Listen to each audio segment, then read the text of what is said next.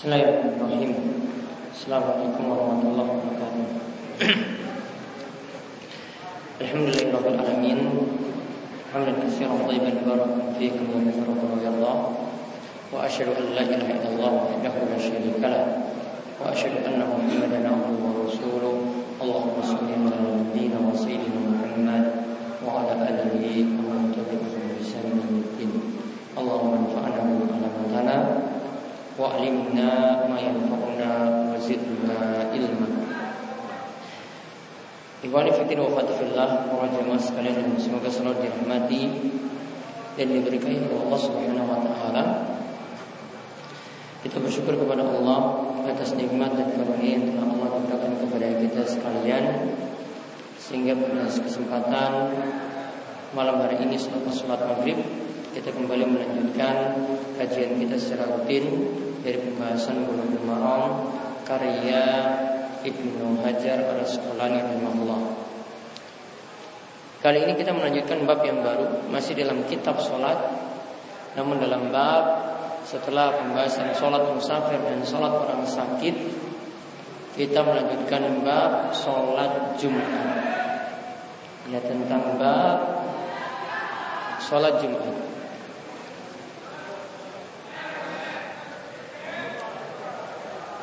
Terlebih dahulu kita memahami pengertian Jumat itu apa. Jumat cara bacanya jimnya itu di dhamma, mimnya di dhamma. Namun salah satu cara baca mimnya di sukun. Jadi Jumat atau juga tadi bisa mimnya itu di dhamma, Jumu'ah. Dan cara membaca dengan mim itu di doma itu lebih bagus. Sebagaimana dapat pada sholat Jumat ayat ke-9. Idza nudiya lis-salati mi yaumil jum'ati. Bukan Jum'ati, namun Jum'ati. Maka menyebut dengan Jumu'at itu lebih afdol, lebih utama daripada dengan Jum'ah. Namun dua cara baca tadi dibolehkan. Jumat sendiri berasal dari kata jamak.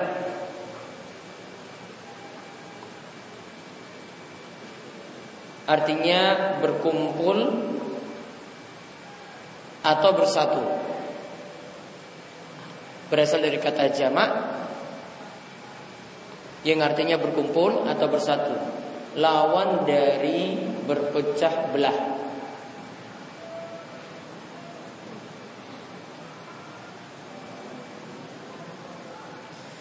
Alasannya kenapa Jumat dikatakan berkumpul seperti itu? Diterangkan oleh para ulama. Karena Allah mengumpulkan Perkara-perkara kaunia Yaitu suatu kejadian-kejadian penting Dan perkara-perkara syariah Perkara yang berkaitan dengan ibadah pada hari tersebut yang tidak terdapat pada hari yang lain. Pada hari tersebut yang tidak terdapat pada hari yang lain. Dan keistimewaan hari Jumat ini yang lebih lengkap nantinya diterangkan oleh Ibnu Qayyim dalam kitabnya Zadul Ma'ad. Beliau menjelaskan tentang keutamaan-keutamaan hari Jumat dibandingkan hari-hari yang lainnya.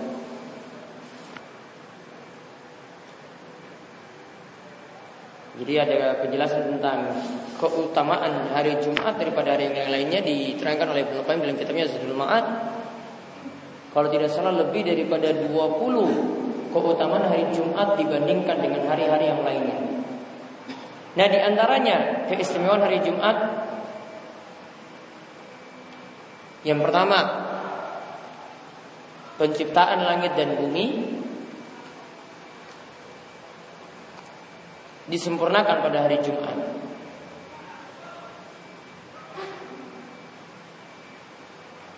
Kemudian yang kedua, terciptanya Adam juga pada hari Jumat.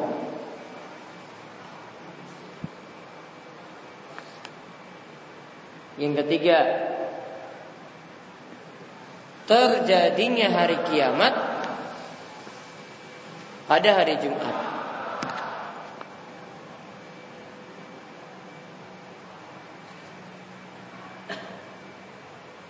Yang keempat, manusia dibangkitkan pada hari Jumat.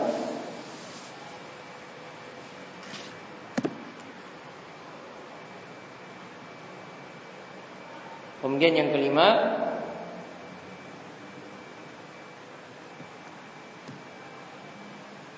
disyariatkan sholat Jumat dan berkumpulnya manusia ketika itu. Disyariatkan disyariatkan sholat Jumat dan berkumpulnya manusia ketika itu.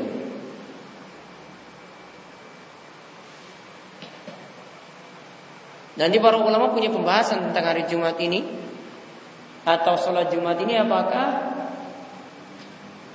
sholat Jumat itu sendiri adalah pengganti sholat zuhur atau dia sholat yang berdiri sendiri. Dan nanti mereka punya bahasan juga nanti setelah sholat Jumat itu uh, sholat rawatibnya itu ada atau cuma sholat ba'diyah saja yang kita sebut dengan dua rakaat atau empat rakaat.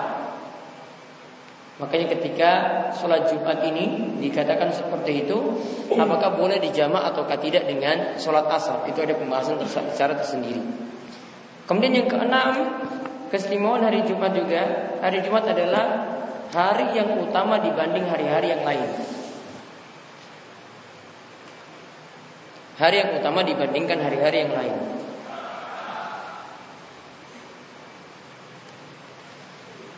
Nah kalau kita lihat saking hadis dari hadis yang membicarakan tentang masalah sholat yang membicarakan tentang hari Jumat ini diriwayatkan dari Abu Hurairah radhiyallahu anhu dari Nabi sallallahu alaihi wasallam beliau bersabda nahnul akhiruna wa nahnu sabiquna yaumal qiyamah. Kami ini adalah umat yang paling akhir namun kami yang paling terdepan nantinya pada hari kiamat Baida anna kulla ummatin utiyatil kitab min qablina. Umat-umat sebelumnya sudah diberi kitab sebelum kita. Wa utinahu min ba'dahu dan kita sendiri akan diberi kitab setelah mereka. Tsumma hadzal ladzi yaumul ladzi kataballahu alaina. Dan hari ini yaitu hari Jumat Allah menetapkan untuk kita. Hadanallahu lau fannasu lana fihi tab'un. Al yahudu ghadan wan nasara ba'da ghadin. Dan hari ini yaitu hari Jumat Allah memberikan petunjuk pada hari tersebut. Nanti umat lain itu jadi pengikut kita. Yaitu apa? Hari Jumat itu hari raya kita dulu. Baru setelah itu Yahudi itu besoknya Sabtu. Baru setelah itu Nasrani yaitu pada hari besoknya lagi yaitu hari Ahad. Jadi yang lainnya ngikut. Artinya ada setelah kita, kita yang di depan. Jumat itu umat Islam, kemudian Yahudi itu hari Sabtunya, kemudian Nasrani itu hari Ahadnya. Berarti yang lainnya itu ngikut kita. Nah itu di antara keistimewaannya hari Jumat tadi. Artinya hari Jumat tadi itu dikatakan hari yang mulia karena hari-hari setelah itu dari umat yang lain mereka ngikut pada umat Islam. Wa anhu aidan anna Nabi SAW dari Abu Hurairah juga bahwasanya Nabi SAW itu bersabda, khairu yaumin tala'at alaihi syamsu yaumul jumu'ah. Hari yang utama ketika matahari terbit yaitu pada hari Jumat. Fi khuliqa Adam, ketika itu Adam diciptakan. Wa fi udkhilal jannah dan ketika itu Adam dimasukkan dalam surga. Wa fi ukhrija minha dan ketika itu Adam dikeluarkan dari surga. Wala taqumu saatu ila fi yaumil jum'ah dan hari kiamat tidaklah terjadi kecuali pada hari Jumat. Oleh karena itu di sini dikatakan oleh Syekh Abdullah Al Fauzan beliau katakan kalau kita tahu hari Jumat adalah hari yang mulia maka kita patut mensyukurinya. Oleh karena itu cara mensyukurinya adalah dia memanfaatkan hari Jumat tadi itu dengan ibadah. Ya, makanya asalnya hari Jumat itu kita fokus pada ibadah. Kalau di kerajaan Saudi Arabia hari Jumat jadi hari libur. Ya, di kerajaan Saudi Arabia hari Jumat hari jadi hari libur. Maksudnya adalah kenapa dijadikan hari libur? Biar hari itu sibuk ibadah. Namun disinggung oleh Syekh Abdul Al Fauzan yang tinggal di sana beliau katakan namun kebanyakan orang-orang yang ada di zaman kita ini yaitu maksudnya adalah di Saudi Arabia la yarawna yaumal jum'ah illa annahu yaumun wa mereka cuma menganggap hari Jumat itu adalah hari untuk tidur dan malas-malasan. Kenyataannya seperti itu. Nanti malam Jumatnya itu mereka main bal-balan, main bola itu sampai subuh, ya akhirnya tidur setelah subuh. Ya, kadang sholat Jumatnya telat, baru berangkat bahkan tidak jarang kita lihat ya bahwa sholat Jumat itu mereka laksanakan ya pada telat semuanya ganti dengan sholat zuhur. Maka beliau ingatkan di sini ya karena malam harinya itu begadang, kemudian pagi harinya itu tidur, akhirnya untuk menghadiri sholat Jumat itu jadi telat. Makanya ada sisi positifnya kalau hari Jumat itu dijadikan hari aktivitas itu ada. Namun harusnya ada porsi yang bagus ya mungkin bagi pengusaha-pengusaha yang punya usaha sendiri jadi kan hari Jumat mungkin tetap hari kerja namun ada waktu sedikit yang digunakan mungkin jam 9 atau jam 10 itu sudah siap-siap untuk melaksanakan sholat Jumat. Itu mungkin usulan yang bagus. Nah sekarang kita lihat hadis yang pertama dalam bab ini atau hadis nomor 445 yaitu tentang peringatan keras bagi orang yang meninggalkan sholat Jumat. Tentang peringatan yang keras bagi orang yang meninggalkan sholat Jumat. Yaitu ada hadis dari Abdullah bin Amr, Abdullah bin Umar, wa Abi Hurairah an Abdullah bin Umar wa Abu Hurairah dari Abdullah bin Umar dan Abu Hurairah radhiyallahu anhuma annahuma sami'a Rasulullah sallallahu alaihi wasallam yaqul ala a'wadi minbarihi ketika itu Nabi SAW didengar oleh keduanya yaitu oleh Ibnu Umar dan oleh Abu Hurairah bahwasanya Rasulullah menyampaikan nasihat di atas mimbar beliau. Akwat ini maksudnya adalah ujung mimbar beliau di mana ketika itu Nabi SAW mengatakan la yantahiyanna aqwamun anda anda an wad'ihimul jum'at aw la Allahu ala qulubihim summa la yakununna minal ghafilin. Hadis ini rawahu Muslim diriwayatkan oleh Imam Muslim.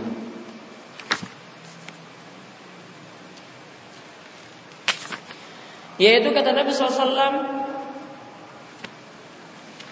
layan tahiyanna akwamun sungguh nanti akan dijadikan pada suatu kaum bagi mereka yang meninggalkan Jumat. Yaitu hukuman bagi mereka layahtiman Allah ala qulubihim. Allah akan mengunci hati-hati mereka dan Allah akan menjadikan mereka menjadi orang-orang yang ghafilin orang-orang yang lalai Maka di sini ditunjukkan orang yang meremehkan sholat Jumat.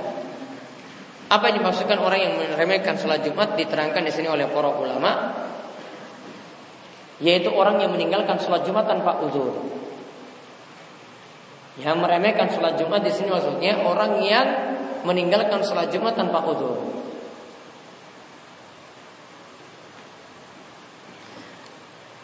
Berarti ada orang-orang yang dapat uzur untuk melaksanakan sholat Jumat.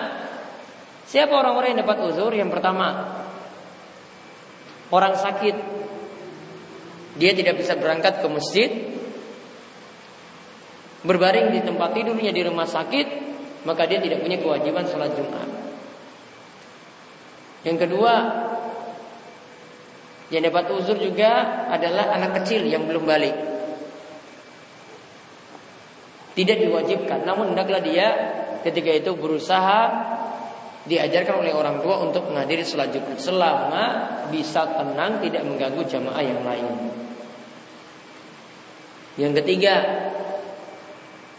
yang dapat uzur lagi adalah para wanita. Para wanita tidak wajib sholat Jumat. Kemudian yang keempat, orang musafir Musafir tidak harus ketika dia berhenti di tengah jalan Kemudian dia melaksanakan sholat Jumat tidak harus. Dia boleh melanjutkan perjalanan. Dia tidak punya kewajiban untuk sholat Jumat. Nantinya dia mengganti dengan sholat zuhur. Kalau musafir berarti nanti ganti dengan sholat zuhur yang dikosor. Sebagaimana kita sudah bahas ketika membahas sholat musafir. Kemudian yang kelima adalah seorang budak. Ya, yang kelima adalah seorang budak. Jadi orang sakit, anak kecil, para wanita, para musafir, dan budak ini tidak diwajibkan sholat Jumat. Bahkan untuk musafir, nanti coba kita lihat kalau ada di hadis setelah ini yang diterangkan oleh Ibnu Hajar barangkali, khusus untuk para musafir perlu dipahami untuk sesama musafir kalau mereka berada dalam perjalanan misalnya di atas kapal atau sedang berada di tempat offshore, lepas pantai. Seperti orang-orang yang lagi di tempat offshore untuk mengebor minyak misalnya. Maka ketika itu tidak ada kewajiban sholat Jumat. Bahkan kata para ulama, mereka ini termasuk orang-orang yang nomaden yang tidak punya tempat tinggal yang pasti. Artinya tidak punya tempat tinggal layaknya ketika orang itu mukim. Maka ketika mendirikan sholat Jumat tidak dianggap sah. Orang yang nomaden tadi atau semua musafir tadi kalau mendirikan sholat Jumat semuanya mendirikan sholat Jumat karena yang di atas kapal itu mendirikan sholat Jumat. Ini dilakukan di sebagian kapal pelni yang kami pernah saksikan. Ketika itu tidak dianggap sholat Jumat. Ya. Berarti kalau tidak dianggap sholat Jumat berarti langsung ganti dengan sholat zuhur. Maka tidak ada khutbah Jumat, tidak ada lagi sholat Jumat dua rakaat ketika itu yang ada ya ganti langsung dengan sholat zuhur dua rakaat. Begitu juga orang yang offshore tadi. Dia tengah laut, ketika mereka berada di lepas pantai, mereka ketika itu tidak punya kewajiban untuk mendirikan sholat Jumat berjamaah, langsung ganti dengan sholat zuhur. Bahkan yang lebih tepat, sholat Jumatnya tidak sah. Nah, jadi kita kembali tadi orang yang dianggap meremehkan sholat Jumat adalah orang yang tarku min ghairi. Orang yang meninggalkan sholat Jumat tanpa ada udur. Namun ada pendapat yang lainnya, namun ini tidak terlalu kuat pendapat ini. Dikatakan orang yang meremehkan sholat Jumat itu adalah orang yang malas-malasan dan tidak semangat untuk menjalankan sholat Jumat.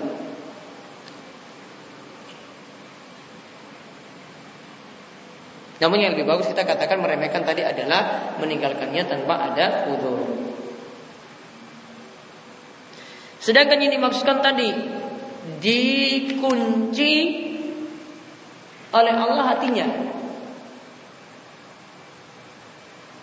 Al-Iraqi mengatakan maksud hatinya itu dikunci adalah Allah menjadikan hatinya hati orang munafik.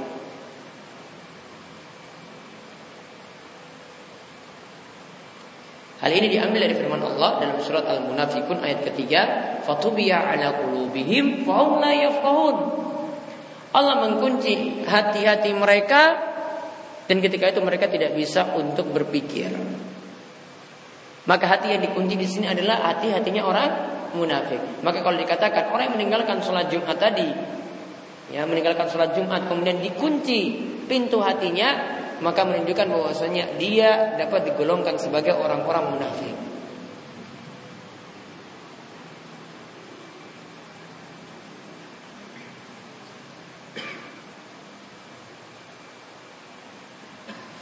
Sedangkan kalau dikatakan dia termasuk orang-orang yang lalai, yang dimasukkan orang-orang yang lalai di sini adalah yaitu orang-orang yang lalai dari hal yang manfaat. Ya, orang-orang yang lalai dari hal yang manfaat. Atau orang-orang yang tidak peduli pada hal-hal yang membahayakan dirinya. Atau tidak peduli pada hal-hal yang membahayakan dirinya.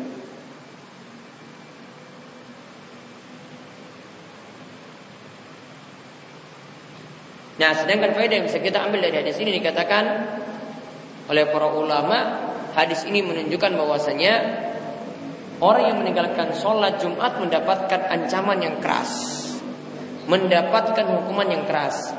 yaitu tertutup pintu hatinya.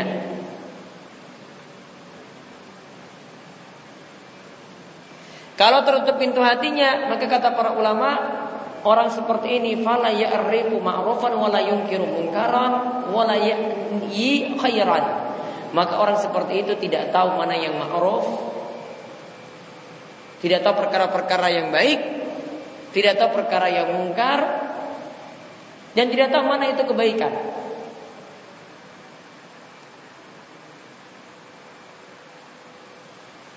Dan Al-Qadiyat mengatakan ya Al-Qadiyat itu mengatakan salah seorang ulama Syafi'i beliau mengatakan hadzal hadis hujjatun bayyinatun fi wujubil jum'ah. Hadis ini sebagai dalil yang sangat menunjukkan sholat Jumat itu wajib. Wa kaunuha fardhan dan hukumnya adalah fardu. Izil iqab wal wa'idu wat tub'u wal khatmu innama yakunu al kabair. Karena ini dikatakan wajib karena hukumannya sangat-sangat berat. Hukuman yang berat ini cuma ada ketika seorang itu melakukan dosa besar. Berarti kesimpulan yang kedua atau faedah yang kedua, orang yang meninggalkan sholat Jumat tanpa ada uzur terjatuh pada dosa besar. Selain tadi dicatat sebagai orang munafik atau pintu hatinya tertutup. Oleh karena itu orang yang meninggalkan sholat Jumat malas-malasan tanpa ada udur hendaklah berbanyak tobat kepada Allah Subhanahu wa taala. Dalam riwayat yang lainnya disebutkan, tidak dalam riwayat ini disebutkan orang yang meninggalkan sholat Jumat salah sama rotin sebanyak tiga kali. Maka dia dicatat juga tadi sebagai orang-orang munafik. Dapat dikatakan sini tiga kali meninggalkan sholat Jumat ini yang dimaksudkan adalah pokoknya tiga kali tidak mesti berturut-turut. Dia sudah tinggalkan tiga kali tanpa ada uzur maka dicatat sebagai orang-orang munafik tadi atau Allah kunci pintu hatinya.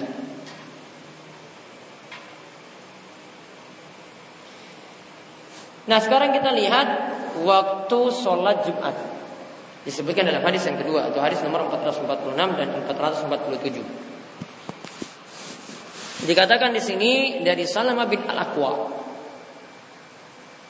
ia mengatakan kunna nusalli ma'a Rasulillah SAW al-jum'ati. Kami pernah salat bersama Rasulullah SAW yaitu salat Jumat. Summa nansarifu wa laysa lil hitani dhillun nastazillu bih. Kemudian ketika itu setelah selesai kami mencari tempat berlindung dan tidak ada tempat berlindung ketika itu karena cuaca masih panas. Berarti menunjukkan di sini selesainya sholat Jumat itu masih panas. Berarti mereka lakukan sholat Jumat sebelumnya. Mutafakun alaih hadis ini diriwayatkan oleh Imam Bukhari dan Muslim wal lil Bukhari dan lafaznya adalah lafaz Bukhari. Wa fi lafzin Muslim dan lafaz untuk Imam Muslim kunna nujammi'u mau idza zalatis syams summa narji natatabba'ul fai'a. Dan ketika itu kami mengerjakan sholat Jumat ketika matahari sudah tergelincir. Ya, ketika matahari sudah tergelincir,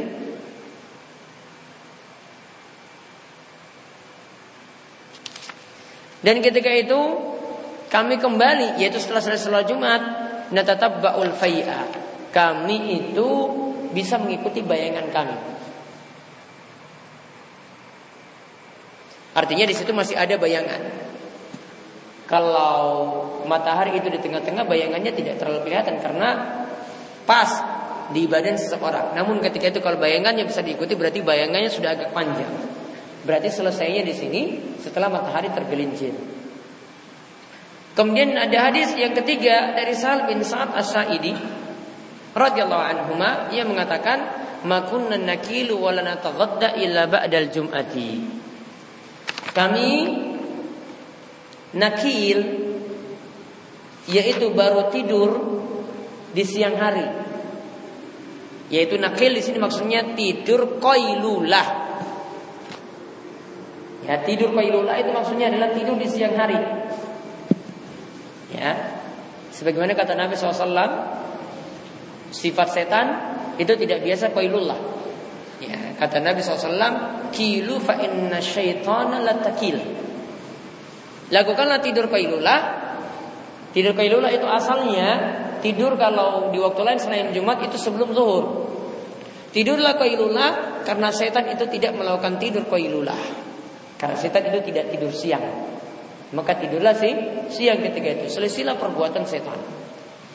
Maka di sini kita katakan kami baru tidur kailulah wala dan kami tidaklah makan ketika itu kecuali setelah Jumat.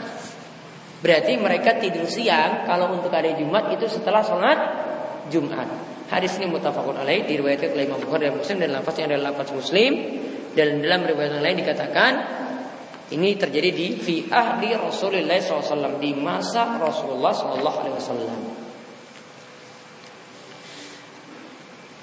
Maka hari ini membicarakan yang pertama tentang masalah waktu sholat Jumat. Tentang waktu sholat Jumat ada dua pendapat dalam masalah ini. Ada dua pendapat para ulama dalam masalah ini. Yang pertama, waktunya sama seperti waktu sholat zuhur.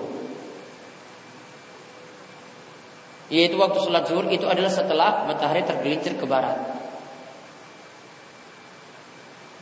Dan berakhirnya sampai berakhirnya waktu sholat zuhur. Berarti khutbahnya dan sholatnya bagaimana? Setelah sholat zuhur itu masuk. Khutbah tidak sebelumnya. Khutbahnya tidak sebelum zuhur. Namun khutbahnya itu pas sholat zuhur masuk. Diadakan khutbah. Baru setelah itu sholat Jumat. Ini yang menjadi mazhab jumhur ulama yaitu Abu Hanifah, Imam Malik dan Syafi'i dan salah satu pendapat dari Imam Ahmad. Dan juga dipilih oleh Al-Ajuri. Begitu juga dikuatkan oleh Ibnu Qudamah Al-Maqdisi dan juga oleh Al-Mardawi.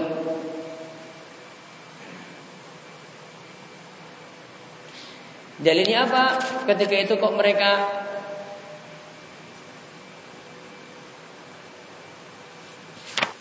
Katakan bahwasanya waktunya sama dengan zuhur karena ketika selesai sholat Jumat pada hadis pertama tadi dari Salamah bin Al-Aqwa, ketika itu mereka masih tetap cari tempat untuk berlindung. Menunjukkan bahwasanya itu masih siang. Tidak dilaksanakan di pagi hari. Namun menurut pendapat yang kedua, sholat Jumat itu boleh dilakukan sebelum zawal. Ya boleh dilakukan sebelum zawal. Berarti sebelum matahari tergelincir ke barat. Zawal itu artinya matahari tergelincir ke barat. Ini adalah pendapat dari Imam Ahmad.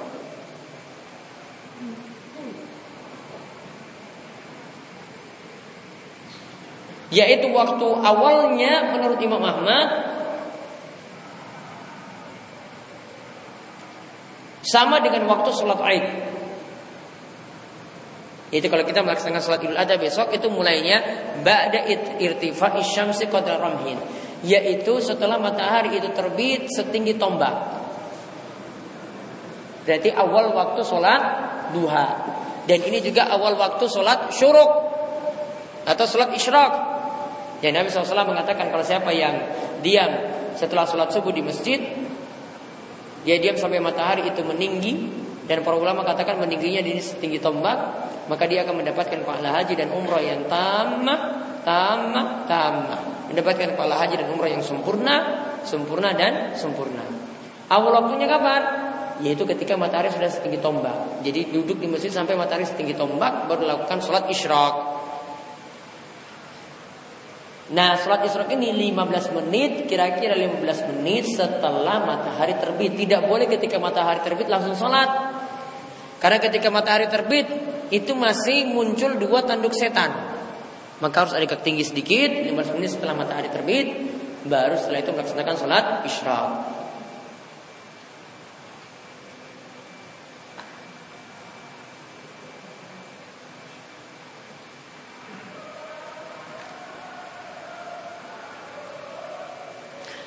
Mana pendapat yang paling kuat tentang masalah ini? Pendapat yang lebih tepat dalam masalah ini adalah pendapat yang pertama pendapat jumhur. Waktu sholat Jumat sama seperti sholat zuhur. Ini dalilnya lebih tepat, pemahaman dalilnya lebih bagus daripada pendapat yang kedua.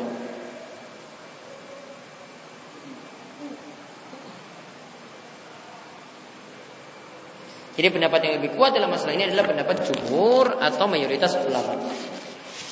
Kemudian faedah yang lainnya lagi dari hadis ini kita bisa simpulkan juga disunahkannya tidur qailulah atau tidur siang. Kalau selain waktu Jumat itu sebelum zuhur. Ya, sebelum waktu sebelum uh, selain hari Jumat itu sebelum zuhur. Taruhlah zuhur jam 11 40 atau 45 dia tidur dari jam 11 sampai waktu zuhur. Ya, atau dia tidur dari jam setengah 12 sampai waktu zuhur. Ini namanya tidur kailullah. Tidurnya singkat saja.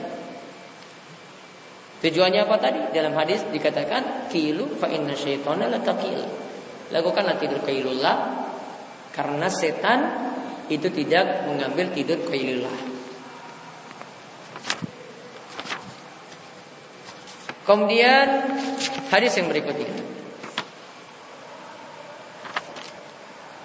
Yaitu hadis yang keempat tentang sahnya sholat Jumat dengan 12 orang.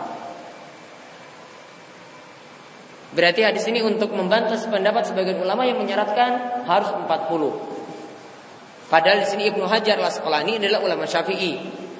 Mazhab Syafi'i dan mazhab Imam Ahmad menyaratkan sholat Jumat itu boleh baru boleh jika jamaahnya berapa? 40. Kurang dari 40 tidak boleh. Kurang dari 40 maka sholatnya diganti dengan sholat zuhur. Ya, maka ini akan berlaku sangat sulit kalau di kampung-kampung. Ya, di kampung-kampung orang tidak peduli sholat. Ya, kalau di kota mungkin bisa menggapai, bisa mencapai jumlah segitu. Kalau kampung-kampung lima saja sudah syukur. Ya, lima saya sudah syukur untuk melaksanakan sholat. Maka kita lihat hadis dari Jabir. Anak Nabi SAW kan yaktub iman. Nabi SAW itu berkhutbah sambil berdiri.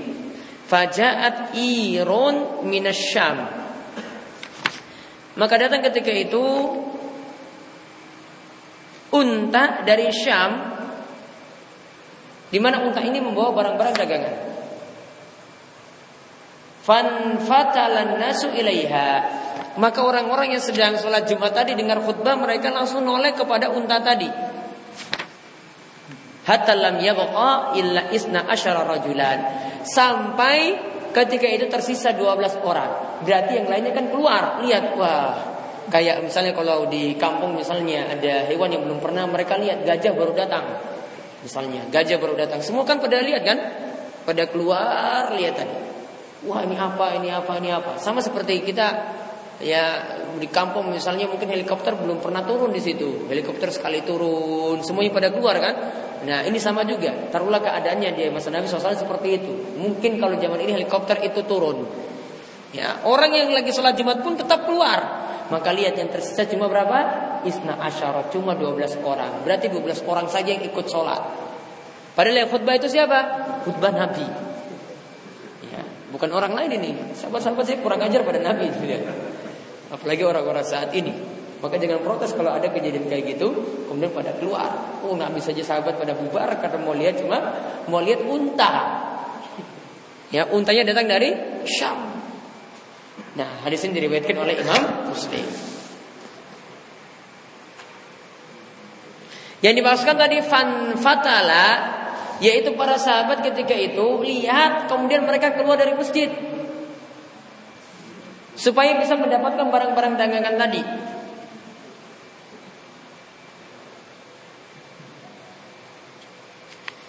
Maka tentang ayat ini, ini uh, tentang hadis ini turunlah ayat wataraku watarakuka qaima. Orang-orang itu meninggalkan kamu yaitu dalam keadaan kau sedang melaksanakan khutbah dalam sholat Jumat, dalam surat Jumat.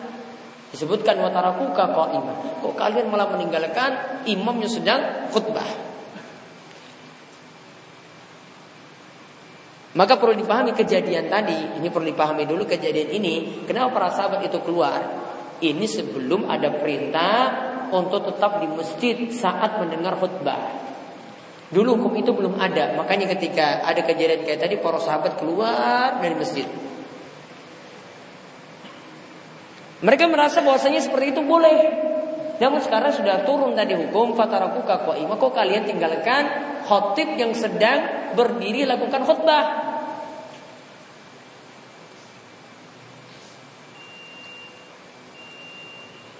Maka Allah katakan pada ayat tersebut, "Qul ma indallahi khairum minallahi wa minat tijarah." Katakanlah bahwasanya apa yang ada di sisi Allah itu lebih baik daripada tijarah, barang dagangan dan permainan-permainan. Kok kalian tinggalkan khutbah Jumat cuma mau lihat apa? Barang-barang dagangan. Maka kisahnya ayat tadi itu kisahnya itu dari sini. Ayat tersebut itu tuh turun ayat terakhir dari surat surat Jumat. Maka di sini menunjukkan yang pertama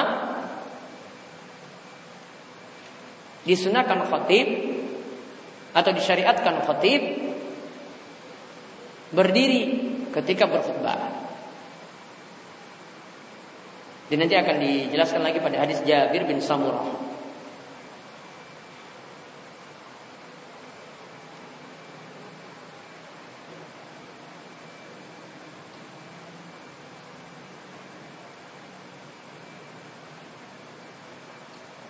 Kemudian di sini juga menunjukkan 12 orang untuk sholat Jumat tetap dibolehkan. Karena apa tadi? Yang ada tadi jamaah jumlahnya lebih daripada 12 dalam masjid. Unta datang, mereka bubar semuanya. Tinggal sisa 12. Nabi tetap masih berkhutbah. Maka berarti menunjukkan bahwa saya ikuti sholat Jumat cuma 12 orang. Berarti syarat 40 jadi gugur dengan hadis ini. Ya syarat 40 dari mazhab Syafi'i atau mazhab Imam Ahmad jadi gugur dengan hadis ini. Namun hadis ini jadikan patokan dari Imam Malik. Imam Malik katakan sholat Jumat harus 12 orang. Ya, sholat Jumat itu harus 12 orang. Namun pendapat yang lebih tepat, sholat Jumat masih dibolehkan ya seperti jumlah untuk sholat jamaah. Ini jadi pendapat dari di antaranya dari Imam Ash-Shawqani. Ya, ini jadi pendapat di antaranya dari Imam Ash-Shawqani dan ini adalah pendapat yang paling tepat dalam masalah ini. Karena 12 tadi tidak menunjukkan batasan, cuma menunjukkan peristiwa. Oh, peristiwa tinggal 12 orang. Bukan berarti kalau kurang dari 12 tidak boleh karena tidak dikatakan larangan tegas dalam hadis tersebut. Sehingga kalau yang terjadi misalnya jamaah cuma 5 orang, 6 orang untuk sholat Jumat maka sholat Jumatnya masih tetap sah. Asalkan syarat yang terpenting di sini adalah yang lakukan adalah orang yang sholat Jumat adalah orang-orang mukim. Bukan yang tadi saya sebut para musafir. Kalau para musafir tidak. Orang yang lakukan itu adalah orang-orang mukim. Kalau nomaden, orang yang tidak punya tempat tinggal, para musafir itu tidak dikatakan mereka itu melaksanakan sholat Jumat. Yang ada kalau tidak terpenuhi syarat ini, tidak mukim, maka mereka harus ganti sholat Jumat dengan sholat zuhur. Kalau tidak melakukan perjalanan jauh berarti ketika itu sholat zuhur empat rakaat. Kalau musafir statusnya berarti lakukan sholat zuhur menjadi dua rakaat karena sholatnya itu di kosong. Walau alam ini yang kita bahas untuk pertemuan kali ini. Ada yang ditanyakan?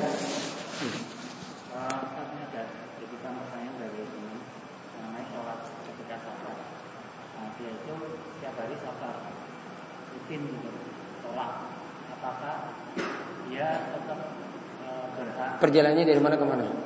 Ya, kira-kira 100 kilo dari Karanganyar ke Iya, safar itu. Terus? Nah, apakah dia tetap dia tanya apakah dia tetap jamaah atau, seperti orang muslim yang ada setiap hari? Dia tetap bisa jamaah kosong. Iya. Namun kalau dia dapati jamaah di masjid, ikuti jamaah yang ada. Lebih afdol. Namun kalau dia dapati misalnya tidak dapati jamaah di masjid, maka ketika itu dia jamaah kosong. Pokoknya dia bisa ambil keringanan itu. Ya, ketika kembali bisa dengan itu jadi dasarnya dia bisa sholat uh, asar di tiga. Ya, sampai terminal subuh itu maghrib bisa sholat maghrib. Nah, sampai karangannya itu pas Isya.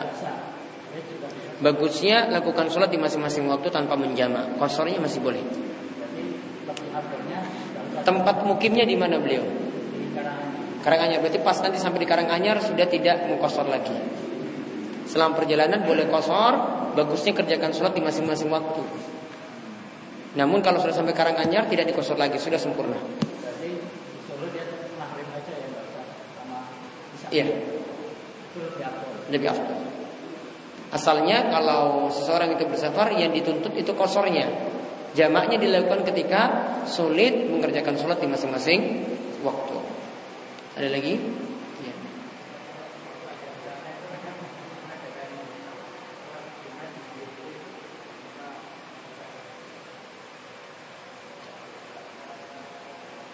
Syaratnya di masjid.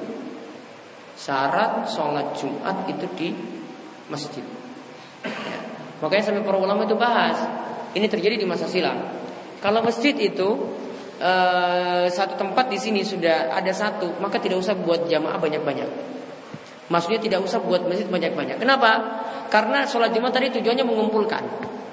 Kalau tujuannya itu mengumpulkan orang, maka kalau dibuat mesinnya pisah-pisah mesinnya itu banyak, ya maka ketika itu sulit untuk jadikan satu seperti ini. Jadi kalau di JC misalnya, maka suruh cari di masjid-masjid yang ada di sekitar. Tidak dirikan Jumat sendiri di situ. Allah Karena bukan masjid JC bukan masjid. Kecuali kalau dia punya masjid sendiri untuk sholat Jumat. Lagi? Ya.